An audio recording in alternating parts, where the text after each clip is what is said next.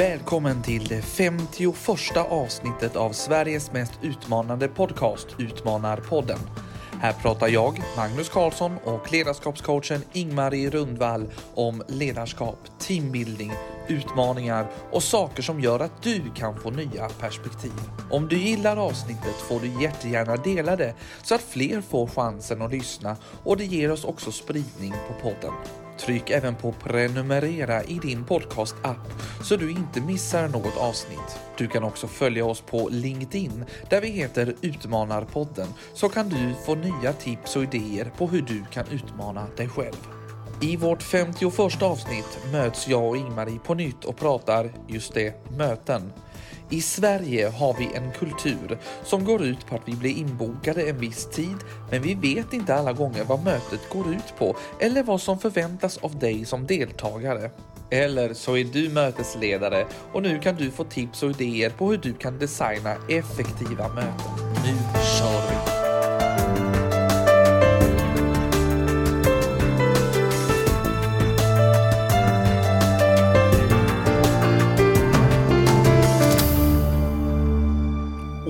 nu så sitter jag och Ingmarie här igen på Go to 10 i Hammarby sjöstad i Stockholm. Tittar ut över vattnet här och ska reflektera nu under den här kommande halvtimmen ungefär. Ingmarie, du sitter här väldigt så här fokuserad känner jag. Eh, hur känns det? Eh, det känns bra. Eh, vi har ju bestämt dagens tema och dagens tema ska ju handla om möten. Och det där är jag ju superintresserad av så att jag vill bara att vi ska komma igång. Mm, Jag förstår. Vi har, ju ett, vi har ju ett möte nu kan man ju säga. Ett väldigt kreativt möte där vi ska prata. Och vet du så här, jag, jag vet ju i alla fall och ni som har lyssnat på podden har ju förstått att du Ingmarie har varit i skrivartagen under sommaren och du ska komma ut med en bok här närmare senhösten får man väl säga. Och det handlar just om möten. Nu har jag gjort så här. Jag tittade i min kalender. För jag tänkte så här att jaha, ska man skriva en bok om möten? Jaha, vad ska den handla om? Så här, är det så här mycket möten vi har då? Och så där. Det kanske behövs en bok om möten, för jag vet vad jag insåg. Då räknade jag hur många möten jag hade på en vecka och då kom det upp i sju möten underbara på, och det är alltså fem arbetsdagar vi pratar om. Och det tänker jag, det kan också vara, det kanske låter lite i andras öron, men för mig var det väldigt mycket. För hur ska jag kunna jobba, liksom om jag haft ett möte, sen går jag in i nästa möte direkt. Hur ska jag hinna jobba däremellan och få gjort det som vi har bestämt på det där första mötet? Så mycket möten vi har. Vi måste prata möten. Det var precis där någonstans jag började. Och, och när jag skapade mitt intresse för det här med möten. Det, dels var det mängden möten och att vi lever i ett mötesland som har en massa möten. Vi har en tanke på jobbet att så fort vi behöver lösa någonting, du, vi får ta ett möte om det där. Du, vi får ta ett möte om det där. Du, vi får sätta oss ner med det här. Där någonstans innebär ju det att vi har en väldigt hög tilltro till ett möte kommer att lösa den där kluringen som vi inte har klarat av att lösa. Så många har möten på jobbet. I princip alla, oavsett vad man har för yrkesgrupp, så ibland så är det du är kallad eller inbjuden till ett möte. Är du snickare så har de något möte som heter arbetsplatsmöte eller så har de ett servicemöte eller så har de ett entreprenadmöte.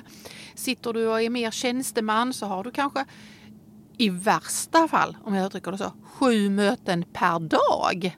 I alla fall om du sitter i någon sorts chefsposition så kan det vara visserligen korta möten men det är någon sorts där man laddar in, nu går jag in i ett möte med några eller några andra.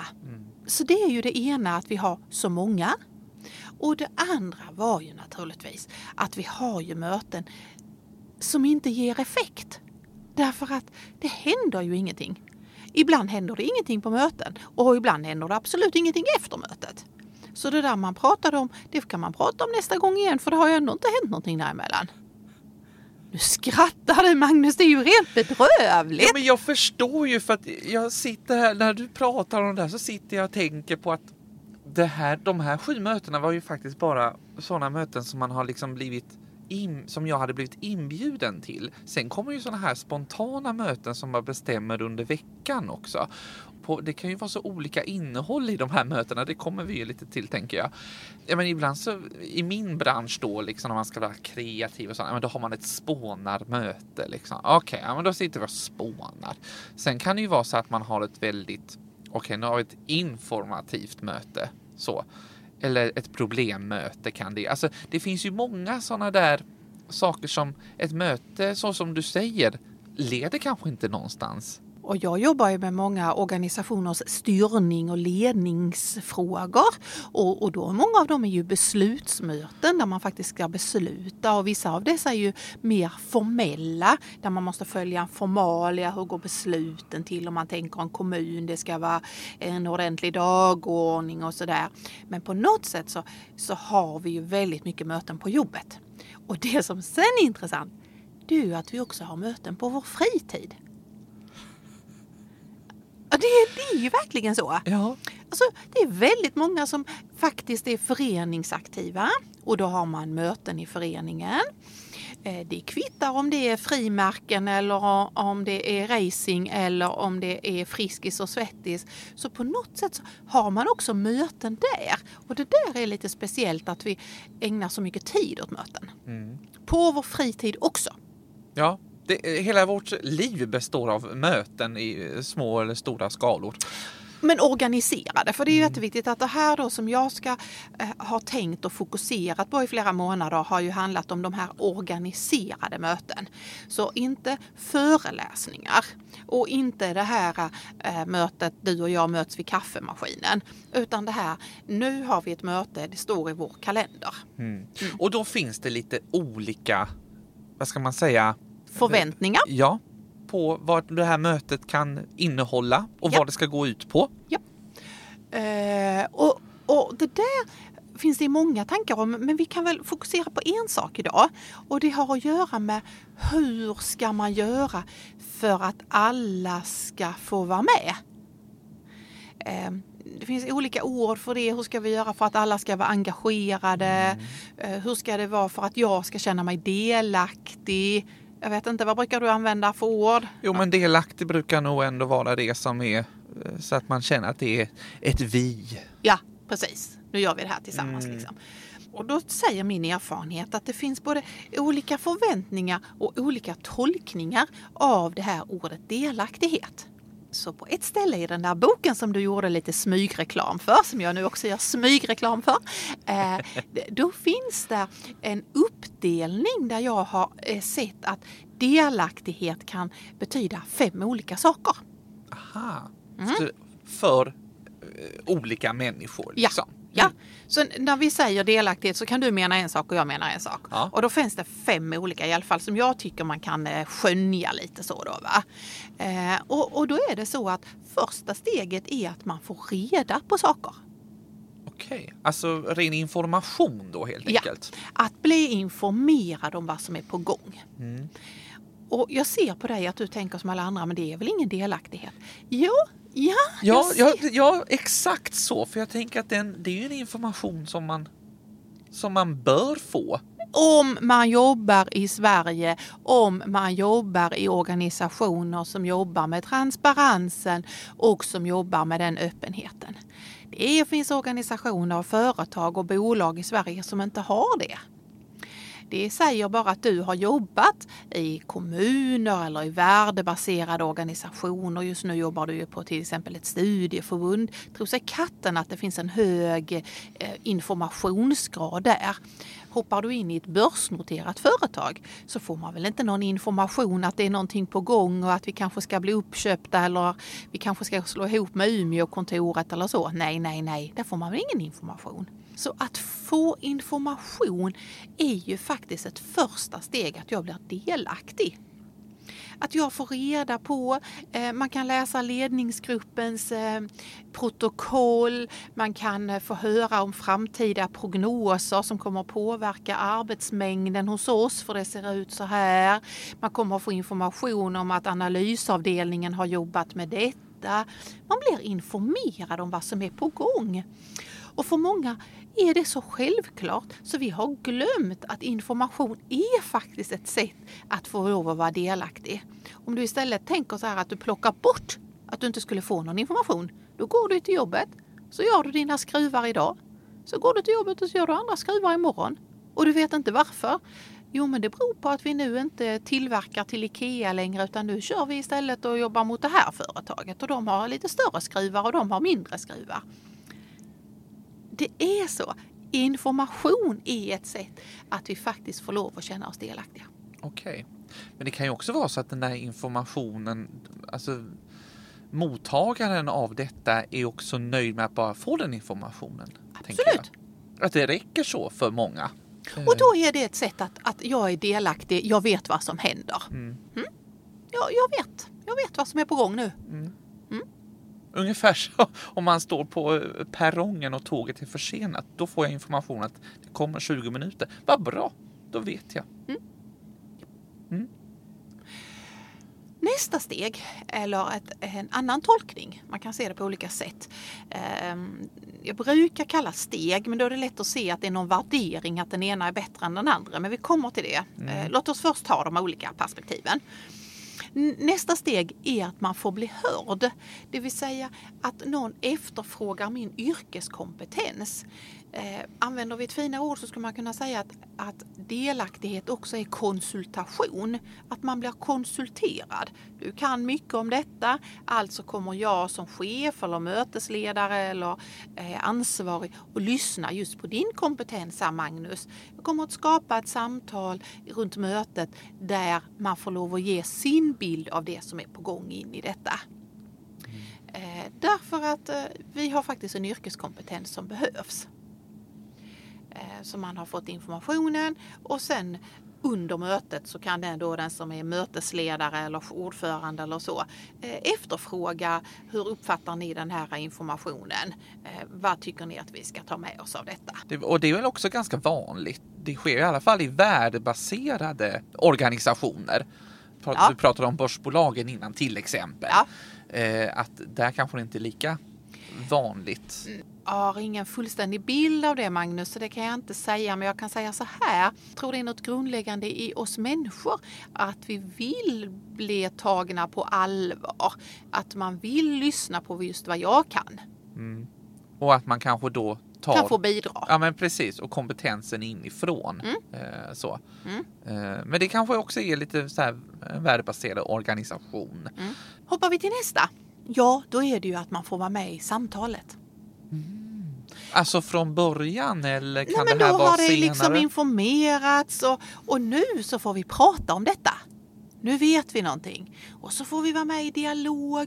Ska, jaha, ska du flytta till Umeå? Men det vore inte bättre med Luleå? Ja, men jag tänker så här. Har du också hört det att det går bra för Luleå och lite sämre för Umeå? Eh, man på något sätt får vara med i en dialog och tänka och tänka att jag tänker att om det blir Umeå så skulle vi kunna lägga upp det på detta sättet. Och, ja, du hör att jag hittar på hela Mm, Absolut. tiden här. Ja, nu har vi liksom ett företag här som ska kanske flytta sitt, eh, Ja. sitt kontor antingen till Umeå eller Luleå eller någonstans. Och, Ja. och så får man vara med om den här och, Och tycka till och man får berätta vad man upplever och, och man får vara med i själva samtalet. Och det där tror jag väldigt många känner igen sig i. För vi är väldigt vana vid att få lov att vara med i ett samtal på jobbet. Men det känns ju nästan lite som att för många att det skulle vara det första steget. Vad roligt Magnus! Eller hur? Ja, men Det är så ofta när jag berättar om detta när jag möter olika mm, yrkesgrupper.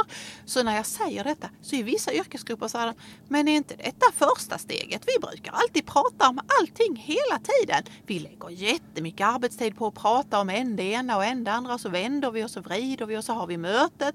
Och på mötet så samtalar vi och så ser vi för och nackdelar och så. Va? Så att det på något sätt har blivit så att man tror att få lov att prata om någonting är att få vara delaktig. Det är helt rätt. Men att bara få informationen och få ge sin bild är också en del av delaktighet. Och här är ett annat sätt att vara delaktig. Det ska bli väldigt kul att lyssna på de här två andra delarna. För att genast har det kommit upp i mitt huvud något som jag kan applicera det Ja. här på. Vi Ja. kan ta det sen om det liksom hänger ihop. Ja, hela, det. Som jag tänker. Ja. Och nästa steg handlar ju att man får vara med och aktivt jobba.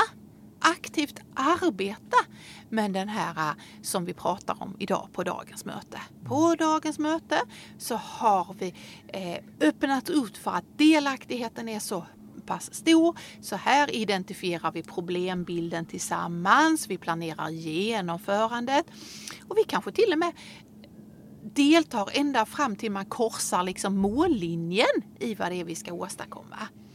Alltså från att det var information och dialog så har det liksom blivit en självklarhet att man är med i det här konkreta arbetet som behövs för att lösa problemet eller eh, hitta ett annat eh, förändrat arbetssätt eller så. så. Så delaktigheten här handlar ju nästan bokstavligt om att kavla upp armarna. Verkligen. Ja. Och nu ville du Och, att jag snabbt skulle gå vidare. Ja, för jag blev lite nyfiken på vad den femte... Du, du hör att det kom ingen liksom reflektion eh, på det du sa va? Nej, Nej, då är det ju att få vara med och bestämma. Ja, okej. Att beslutsfattandet ligger i gruppen. Mm. Det vill säga att grupp, mötesgruppen har mandatet att forma underlaget och komma till beslut. Det här på något sätt, ser man det som en trappa så skulle man säga att det här är ju det översta trappsteget när man tänker och summerar att nu är det medbestämmande. Att man får och förväntas vara med i beslutet. Mm. Men är det här, du sa innan så här, jag vill inte kalla det eh, steg, men är det här en vanlig eh, trappa för till exempel olika projekt eller liknande? Eller är något så här att det bara är till exempel ett steg ett och två eller brukar det vara de här fem? Nej, jag skulle vilja säga så här att det som är mest vanligt är att alla människor står på olika steg. Är du med? Ja, okej. Man kommer till mötet och så tänker man ja, idag ska vi vara delaktiga. Och då är det någon som kommer dit och tror ja, vi ska kavla upp armarna och så ska vi vara med och tapsera. Och någon eh, tänker ja, jag ska vara med och vara delaktig. Jag ska få, vara och få bestämma om det ska bli rött eller orange. Och någon tänker idag ska vi få prata om hur man kan göra när man ska tapsera. Och så pratar vi och så vänder vi och så funderar vi på olika klister och sådär. Liksom. Och någon kommer bara dit och tänker jag ska bara bli informerad om vilken vecka ska det tapseras. Ja, tänk att det kan finnas så många olika tolkningar i, i detta. Men då måste man väl från då mötesledaren eh, berätta att på det här mötet ska vi göra det här. Så man får någon form av så här, man vet vad det är man ska göra. Nu känns det som att du har läst boken för det är ju precis det som är min poäng Magnus. Ja, grattis! Eh, Det är ju det som är poängen. Man måste synliggöra. Det är ingenting som säger att medbestämmande är det femte steget då. Att alla får vara med och bestämma. Att det är det bästa. Därför att vissa beslut är det faktiskt så att de tas i styrelserummet. Och då behöver inte vi som medarbetare runt det här mötesbordet sitta och ha tankar om en det ena och en det andra och det hitan och ditan och så. Utan då är det så att då är det redan beslutat. Och då är det ju en information till oss. Det är ju också så här att, att ibland så tänker man att ja, eh, man vill försöka få igång en dialog. Men då måste man ju veta varför ska vi ha den här dialogen? Ska vi dra några erfarenheter av den som vi sen ska kunna använda inför ett beslutsfattande eller inför att det ska hända någonting? För annars behöver vi ju, annars öslar vi ju mötestid på det. Så att de här lite, vad var nu steg tre? Det var Dialogen. dialogen, ja precis. Och att det blir det är då man, det var det då man satt eh, Och hade möte dialog. liksom, mm, Mm, Det precis. som jag tror de flesta kallar det möten. För vi lyfter upp någonting och så pratar vi hit och så pratar vi dit och så pratar vi och så vänder vi och vrider på det. Ja, precis. För att få lite infall och sånt där från eh, mötesdeltagarna. Liksom, Mm. Vad tycker ni om det här? Och, se, och sen så kanske man går då till eh, och bestämmer utifrån det. Eller så är det så att man får lov att lämna de tankarna vidare och så ligger beslutsmandatet någon annanstans. Mm. Därför att om det är något jag önskar så är det ju att vara tydlig som mötesledare. Vad förväntas idag? Att säga det här är en information och, och vi ska inte prata mer om den idag. Utan jag ska bara informera om det. Eh, någon annan gång kan det vara, idag är det rätt så tufft för att idag förväntas vi alla komma överens. För att det är ju lätt att tro att medbestämmande av vilket härligt ord alla ska få vara med. Fast det är ju inte riktigt så. Därför att vi måste ju komma på hur ska man göra för att åtta människor ska, runt mötesbordet ska komma överens. Och där väljer ju ändå många, många att man följer majoriteten. Så om vi då är åtta runt det här mötesbordet så fem har en rätt så gemensam bild. En tycker vi ska gå åt höger, en annan tycker vi ska gå åt vänster och en tycker vi ska stå kvar. Och tillsammans blir vi åtta. Det är ju rätt så troligt att det blir som de fem tycker. Mm. Varav de andra tre måste ju klara av att lyfta sig och se, ja det var medbestämmande i det här beslutet. Men det blev ju inte som jag ville. Nej. Precis. För jag möter ju väldigt många som säger ja, de sa att det skulle vara delaktighet, men det blev absolut inte som jag tyckte. Mm. Och hur tar man då den här personen då? Hur, hur går man vidare med den för att den ska känna sig ändå delaktig i det beslutet efter? Ja, det är ju egentligen någonting helt annat för det handlar om hur man implementerar det som handlar om vad som, och där handlar det om, det kanske vi kan ha ett helt annat avsnitt om, som handlar om vilken möteskultur har vi på mötet och vilken möteskultur har vi efter mötet. Mm. Det är kanske så att vi är en, i ett möte som mer påminner om att vi är en styrelse. Ja, då säger vi ju exakt gemensam sak när vi kommer ut ifrån mötet. Är vi en ledningsgrupp så kommer bara en röst ut det och det är den rösten som det blev beslutat mm. och då kommer inte det andra ut. Eh, och det här andra, hur man bearbetar det, det, det, är ju någonting helt annat. Utan vad jag tänker är, inne i mötesrummet är det jätteviktigt att man mötesledningen signalerar. Nu blir det så här med den här punkten och just denna punkten så tolkar jag att delaktighet är på följande sätt. Tänk så mycket effektivare möten hade blivit det. Mm. Om vi hade sluppit att prata om allt det där som vi faktiskt inte ens ska vara med och bestämma någonting om. Och som vi inte ens vet om det blir av. Exakt. Det finns ju jättemånga möten som det inte blir någonting av och som man bara så här. Jag, men, jag tänker ofta så här spånarmöten när man sitter och pratar och så där. Det är väl kanske då steg tre i det här. Mm. Eh, så här och sen så så blir det ingenting av det eh, och då då känns det så här, men varför hade vi det här då? Det kan också, det kan ju också skapa någon form av olustighet eller, eller sådär. Alltså, jag tycker det är lite intressant att på något sätt, fast vi inte säger det, så måste vi ha en rätt så positiv och hög förväntan på möten. Eftersom vi tror att lösningen på många problem är att du, vi tar ett möte om det där. Mm? Alltså har vi ju tilltro till att det händer positiva saker när vi träffas. Men det tycker jag är lite intressant men med tanke på hur många möten jag har deltagit på, suttit på, hört talas om som har så hög eh, grad av frustration. Till och med besvikelse, för det blev ju inte någonting eller så blev det någonting och det blev inte och så. Så visst är det mycket känslor som kommer ut ifrån ett rum där inte själva mötet har fungerat. och att det inte är själva sakfrågan som, som är det viktiga. Nej, utan man analyserar mötet. Mm. Det var ett bra möte, det var ett dåligt möte eller vad var det nu? Eller det blev inte som jag ville eller vi ägnar tid åt en massa annat. Ja men det beror ju på. Är det så att, att man går dit och tror att nu ska jag få vara med och bestämma? Och det enda som händer är att någon eh, mötesledare säger så alltså, jag vill konsultera och höra vad har ni för tankar så kommer jag anteckna dem. Så går det på fyra, punkt, på fyra minuter, sen är det ju klart. Ja, men då var det det som var delaktigheten på detta mötet. Ja. Därför att det ligger någon annanstans till att och den kanske kommer tillbaka. Men just idag är det detta vi ska göra. Mötesledaren måste ge, okej okay, vad förväntas på det här mötet? Det här ska vi prata om. För ofta så kan man plocka upp en timme i sin kalender, man får en inbjudan. För det är också lite så här om det har bullats upp med någonting eller det är kaffe, då, då känns det ju som så här att vi ska ha ett långt möte kala upp armarna, vi ska spåna eller vad det nu kan vara för någonting vi ska göra. Så det är ganska intressant det här. Vad, vad skickar vi för signaler också? Jag har ju fått lära mig så mycket när jag har funderat över hur man ska kunna leda möten som ger effekt. Eh, bland annat det här som du är redan inne på. Hur gör vi när vi sätter, avsätter tid?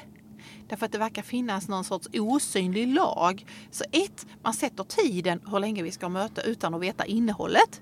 För man kan boka upp ett helt år, ett halvår och så sätter vi möten som är bokade. En och en halv timme, det blir lagom. Eh, hur kan vi veta om det är lagom?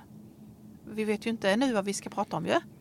Det är kanske lagom med en kvart eller så är det lagom med två och en halv timme beroende på. Det är det ena.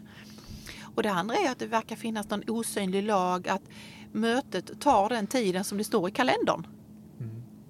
Men nu är vi också inne på en annan sak. Ja, men det är väldigt intressant. Ja. För det här handlar ju också om effektiviteten i, i ett möte.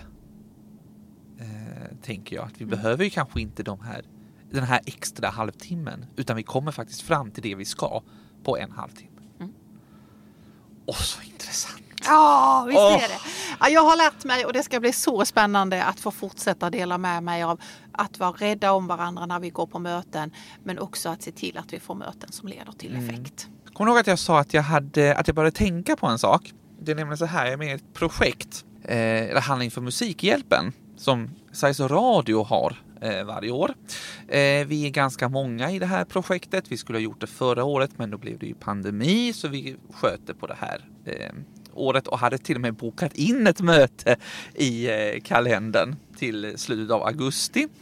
Eh, jag och en annan insåg så här, nej men det, det här, vi har ingen plan på det här överhuvudtaget och att ha ett möte där vi håller på att spåna och ingen så här riktigt vet, det känns lite svajigt.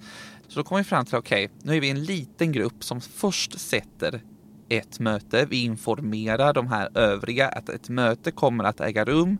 Vi, några stycken i det här, vi kommer sedan att presentera den här idén som vi har och genomförandet.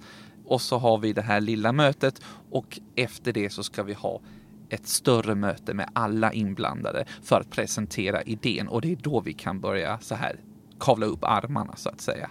Det var det som jag fick i en sån här när du pratade om just de här stegen att informera, vi konsulterar lite i den här lilla gruppen för vi har olika kompetenser. Sen blandar vi in den stora gruppen och sen så följer vi de andra steg.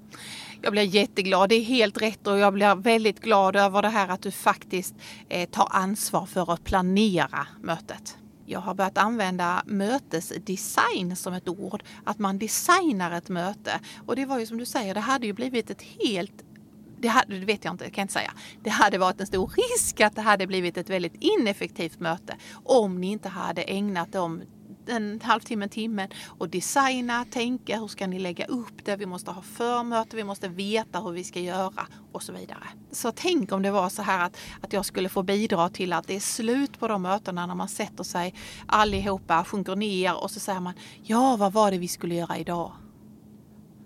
Det är ju helt värdelöst. Då skulle jag önska att man sa, ja men då kan alla resa sig och gå så tar vi det när det är någon som har förberett det här mötet. Och så kanske mötesdesign, inte om det handlar också om eh, hur, eh, för ofta så sitter man ju ner. Jag har ju hört arbetsplatser som inte har det, utan man står upp eh, istället för man blir mer på tå. Man får mer, blodet kommer igång, idéerna kommer och man blir kanske också mer effektiv. Vad vet jag? Mm.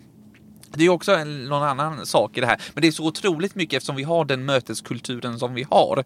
Så det är ju jätteintressant för det här inbegriper så många.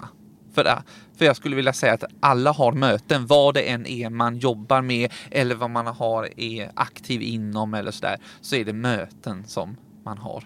Men då måste jag också fråga Ingmarie. Nu har du ju gjort om en skrivprocess och allt det här. Hur känns det efter det? Vad har du lärt dig? Den här gången är det ju väldigt tydligt fokus på mötesledning. Eh, hur kan man leda, designa och få till effektiva möten som ger effekt efter mötet? Och om det är något som jag har lärt mig eh, när jag har jobbat så aktivt med det är att mötesstrukturer eh, och kulturen runt möten är väldigt lik oavsett vad det är för organisation. Det tycker jag har varit oerhört intressant att man tänker ja men så gör de säkert på möten där i den eller så gör man säkert på kommunala möten. Eh, eller så här gör man säkert om det är en värdebaserad organisation. Eller det är nog väldigt olika att vara ordförande där eller där eller så. Nej, oj vad det är lika. Ja. Och oj vad det behöver utvecklas. Och oj vad vi kan känna igen oss. ja, just det. Men vad spännande. Tack för det här mötet. Mm, Skulle man ju vilja säga. Nu har jag ju fått lära mig här lite om eh, om den här möteskulturen som vi har så har vi pratat om detta. Eh, så det får väl vara liksom det sista vi har att säga om detta. Men såklart så har vi också ett litet citat som eh, är med i eh, det här avsnittet. Som på något sätt har satt ordet just på en av delarna i ett ledarmöte, nämligen hur gör man många, alla aktiva och delaktiga. Och då låter det så här. Berätta för mig och jag kommer att glömma. Visa för mig och jag kommer att komma ihåg. Gör mig delaktig och jag kommer att lära mig.